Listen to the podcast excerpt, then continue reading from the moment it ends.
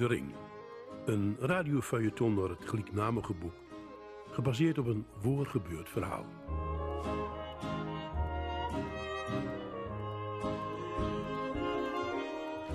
Je luistert naar een podcast van Drenthe Toen, De Ring. Vandaag aflevering 1. Jan Spolling vertelt hoe het begon. Hoe de Drentse Liesje haar Wolfgang Steinhauser ontmoet. Mijn moeder was geen moffenhoer. Had ze wat hele dorp dat besleuten in 1943. Ze was gewoon echt stapelgek op die jongen. En hij was smoorverliefd op haar. En dat hij een Duitser was, daar had er niks mee te maken. In elke andere tijd waren ze gewoon verloofd en dan trouwd en met zijn beiden oud worden. Maar de oorlog stond dat niet toe. Ze hebben elkaar nog geen half jaar kent.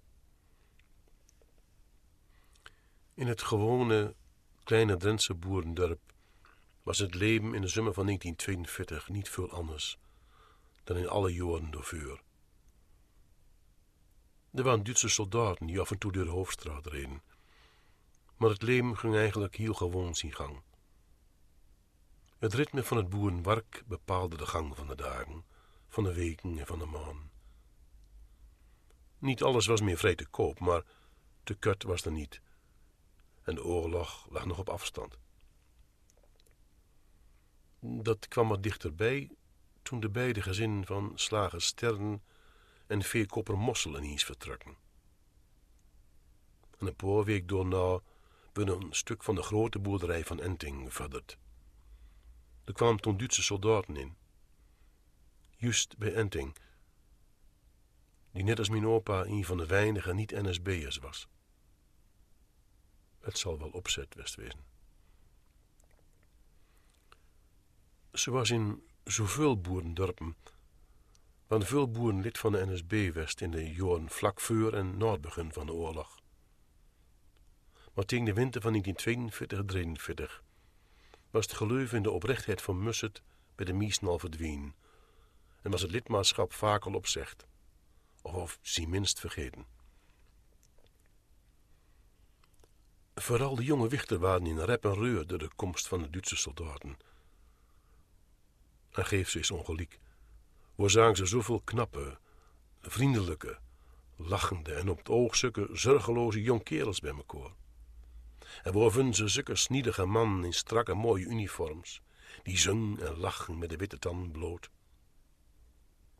Niet in het eigen dorp, waar boeren al op een vierde jaar wisten dat ze later boer worden zullen en zich doorzorgelijk nog gedreugen en op een 24ste door het zware werk wel tien jaar ouder leken.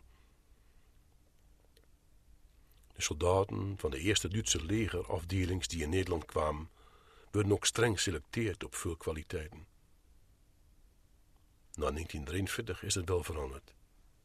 Toen kon Hitler iedereen gebruiken. En zo kunt ook dat op zachte veujoosarms Wichter opvallend vaak bij Enting langslopen, waar de soldaten achter de boerderij zaten. Altijd stiekem, want veel ouders vertrouwden het niet. En mijn moeder, die moet het ook bar spannend van hem.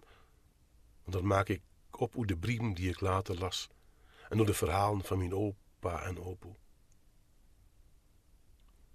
Ze was kind. Opa haar graag een opvolger had voor zijn grote boerderij, maar dat heeft niet mogen wezen. En iedereen kende haar in het. Natuurlijk ook omdat mijn opa een van de vooraanstaande boeren was en in veel besturen zat, maar ook omdat ze altijd blieder was en de hele dag lachte en zong. Een levenslustig, speels en creatief wicht was ze. Je moeder, mijn jong. Je moeder heeft tot haar achttiende nooit verdriet gehad, zei Opo later. Maar daarna een leven, een leven met meer als dubbel zoveel aan. En op foto's kun je het ook zien. Ze ziet overal lachend op, mijn moeder, zorgeloos met springerig hoor en twee koeligjes in de wang. Ze moet het knapste wicht door het dorp west wezen, dat kan niet anders.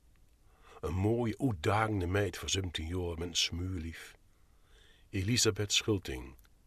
dochter van Berend en Jantina. Bijnaam Mooie Liesje. Mijn opa wil niet hebben dat ze naar de soldaten trok. Ik hoor dat uh, bij de wichten van die naast wel erg vaak naar Enting moet, voorschouwde hij horen. En altijd net als het avondeten dan is. Denk erom dat ik niet voor jou horen wil. Zei niks. Die was ook jong west, vroeger. Ze had ook graag de wereld in wild, maar me zo befittiende al werken. Oedien als jongste meid ben Gunninger boer. En misschien begreep zij het wel. Maar mooie Liesje kwam niet bij Enting. Zelfs niet voor een boschap. Haar vaders wetten waren heilig voor haar. Het was ook zuiver toeval dat ze een Duitse soldaat tegenkwam. Ze reed na met twee volle melkbussen fiets over het padje langs de Heudiek, toen de vuurband knapte en ze de zware transportfiets niet meer houden kon. Met fiets en al kwam ze in de sloot terecht. Een melkbus verloor deksel en de melk stroomde in het water. Wat zal vader wel zeggen? Een hele bus vol melk in het water. En traan van verdriet en pijn leup me over de wang. Ze hoorde de open legerauto niet eens aankomen. Kan ik Ihnen helfen? hoorde ze. Een jonge soldaat beug zich naar haar over. Maar ze hoorde direct in gedachten haar vader. Je komt me niet bij Duitsers in de buurt, denkt er Oh, oh, oh, oh, nee, ik, uh, ik red me wel.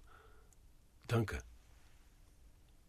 Ze probeerde onder de fiets te komen, die half over haar heen lag. Maar ze had veel pijn. Hij zei, kom, geef me de hand. En twee slanke, bijna vrouwelijke handen hult me de sloot. En zo ontmoette Liesje haar Wolfgang Steinhauser. Op een zandweg achter in het veld bij het Heuland aan het einde van een mooie zachte veuilsmiddag in 1943. En onwennig vond ze het goed dat hij de fiets en de melkbussen achter in de auto zette. Pas toen keek ze me eens goed aan. Hij had niks van die keiharde gemene kerels waarover de berichten altijd ging. Geen harde staalblauwe ogen, maar zachte griesbroen. Hij was slank. Een beetje groter als zijn pap en hij had golven blond haar. Dat was erop van. Griesbroene ogen en blond haar. En hij preut ook niet bars en bevelend. Zijn stem klonk hoogst zacht en verlegen. Hij kwam weer van Boschap, zie je, naar de commandant in Assen. Hij was ordonnans en soms reed je op motor, soms in een soort jeep. En het was niet gebruikelijk dat hij over zandwegen reed, maar Ach, hij vindt het zo mooi hier en het, het deed hem zo aan thuis denken. Mijn moeder moet als een blokfirm vallen wezen. En later heb ik wel eens gevraagd aan haar of ze niet bang was voor de roezies met haar vader die volgen zullen, of voor de praatjes in het dorp, en of ze de onmogelijkheid van een relatie niet onder ogen zag. Ach, hij was zo bijzonder was het enige wat ze dan zei. Hij was eigenlijk geen soldaat. Hij wil godsmid worden, net als zijn half-Joodse opa. Hij was de meest bijzondere, zachtmoedige man die ik ooit tegenkom ben, zei ze. En ik heb ook nooit in mijn leven zo'n man weer zien. Ik was verliefd. Zoals ik nooit meer verliefd worden zou en ik heb later nooit meer naar haar gekeken. Wolfgang was jong, nog geen twintig jaar en zij was zijn eerste liefde. Hij had niet in het leger wild, maar ze hadden hem oppakt en na een maand in een keihard opvoedingskamp was ze toch maar gaan, ook omdat hij huis wou. Het was er geen vetpot thuis en het scheelde weer een mond. Na zijn diensttijd wil hij werken en dan leren voor goldsmid. En dan zullen een eigen bedrijf beginnen en bijzondere ding maken. De wereld zult van hem horen. Die zomer van 1943 was een sprookje voor beiden. Mijn opa heeft er niks van weten dat zijn dochter naar een Duitse soldaat trok. Opo misschien wel, daar ben ik niet zeker van. Liesje was vaker daarnaast bij het pad. Ze vermelken ineens mooi en rustgevend en oh, ze kunt ook alleen wel af. En dan kan papje mooi het werk in huis doen en... En toen opa in augustus vier Joodse onderdukkers kreeg en zij regelmatig op vertrouwde adressen boschuppen doen moest, die de kans zich regelmatig voor een smoor verliefde wolfie in het veld of in het bos te zien. Beiden waren erg bang voor ontdekking, zij nog meer dan hij. Ze reed altijd met grote umwegen naar de plekjes waar ze afspreken hadden en dan we de fiets nog dieper het bos inschubben. Hij moet trouwens al gauw deur had hebben dat ze op haar fietstochten niet alleen bosschubben deed voor de familie. Dat was wel te zien aan de volle tassen die ze bij haar stiekeme ontmoeting bij zich had. Maar waarschijnlijk heeft hij het bestaan van de onderdukkers wel vermoed. Maar hij zweeg erover, tegenover zijn kameraden. Als ze hem kort treffen, daarachter in de boswal ting de heide aan, dan had ze het vaak over de toekomst. Ze maakt mooie plannen, zoals alleen jonge verliefde mensen dat kunt. Oh, de kriek zal niet zo lang duren, dacht Wolfgang, en dan zou Nederland bij Duitsland horen. En dat was trouwens ook heel gemakkelijk. En, en, dan zullen ze in Duitsland gaan wonen, tenminste als zij er ook wil. En als dat wat moeilijk lag bij haar vader, dan wil hij voor haar ook nog wel boer worden en de boerderij overnemen. En dan zullen ze vier kinderen krijgen. Drie jongens en één wichtie, met groene ogen, blond springerig haar en in de wang. Het was half september toen het bericht van de overplaatsing kwam. In de Balkan was een zware guerrilla-oorlog met de partisaan van Tito aan de gang. Het hele bataljon dat verdeeld was over de streek moest doorheen. Soldaat Steinhauser ook. Binnen 14 dagen zult vertrek een feit wezen. De wereld moest toen instort hebben voor mijn moeder. Het vrolijke, onbevangen, knappe wicht was stil en bleek. Ze dacht dat ze haar Wolfie nooit meer zien zou, maar hij zag het minder zwoor. Nou, als de oorlog aflopen was, dan kwam het direct voor hem, zei je. En dan zullen ze trouwen. Er zat gewoon een wat tussen, maar ze hullen toch van elkaar en niks kunnen beiden uit elkaar halen. Ze hebben nog één keer zien. Het afscheid was triest en onzeker. Allebei hebben ze schreid en toen is het ook gebeurd. Het was de allereerste keer voor haar dat ze lichamelijk vrede. Er kwamen na tien dagen al twee brieven tegelijk. Van Wolfgang, vurig en hoopvol. En toen nog twee.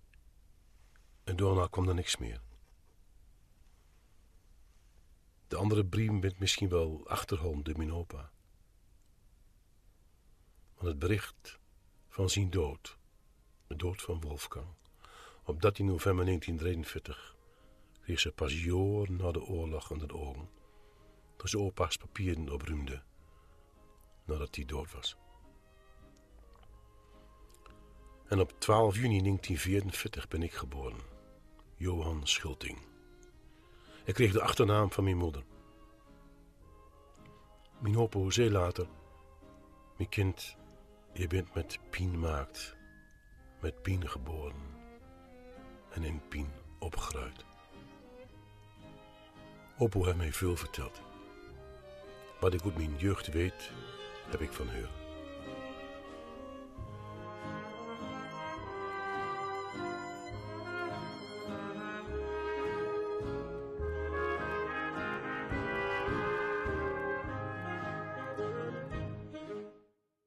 Je luisterde naar een podcast van Drenthe Toen. Luister ook eens naar onze andere podcasts. Neem een kijkje op de website van RTV Drenthe of zoek ze op via de speciale podcast-app. En vond je het leuk? Laat het ons weten.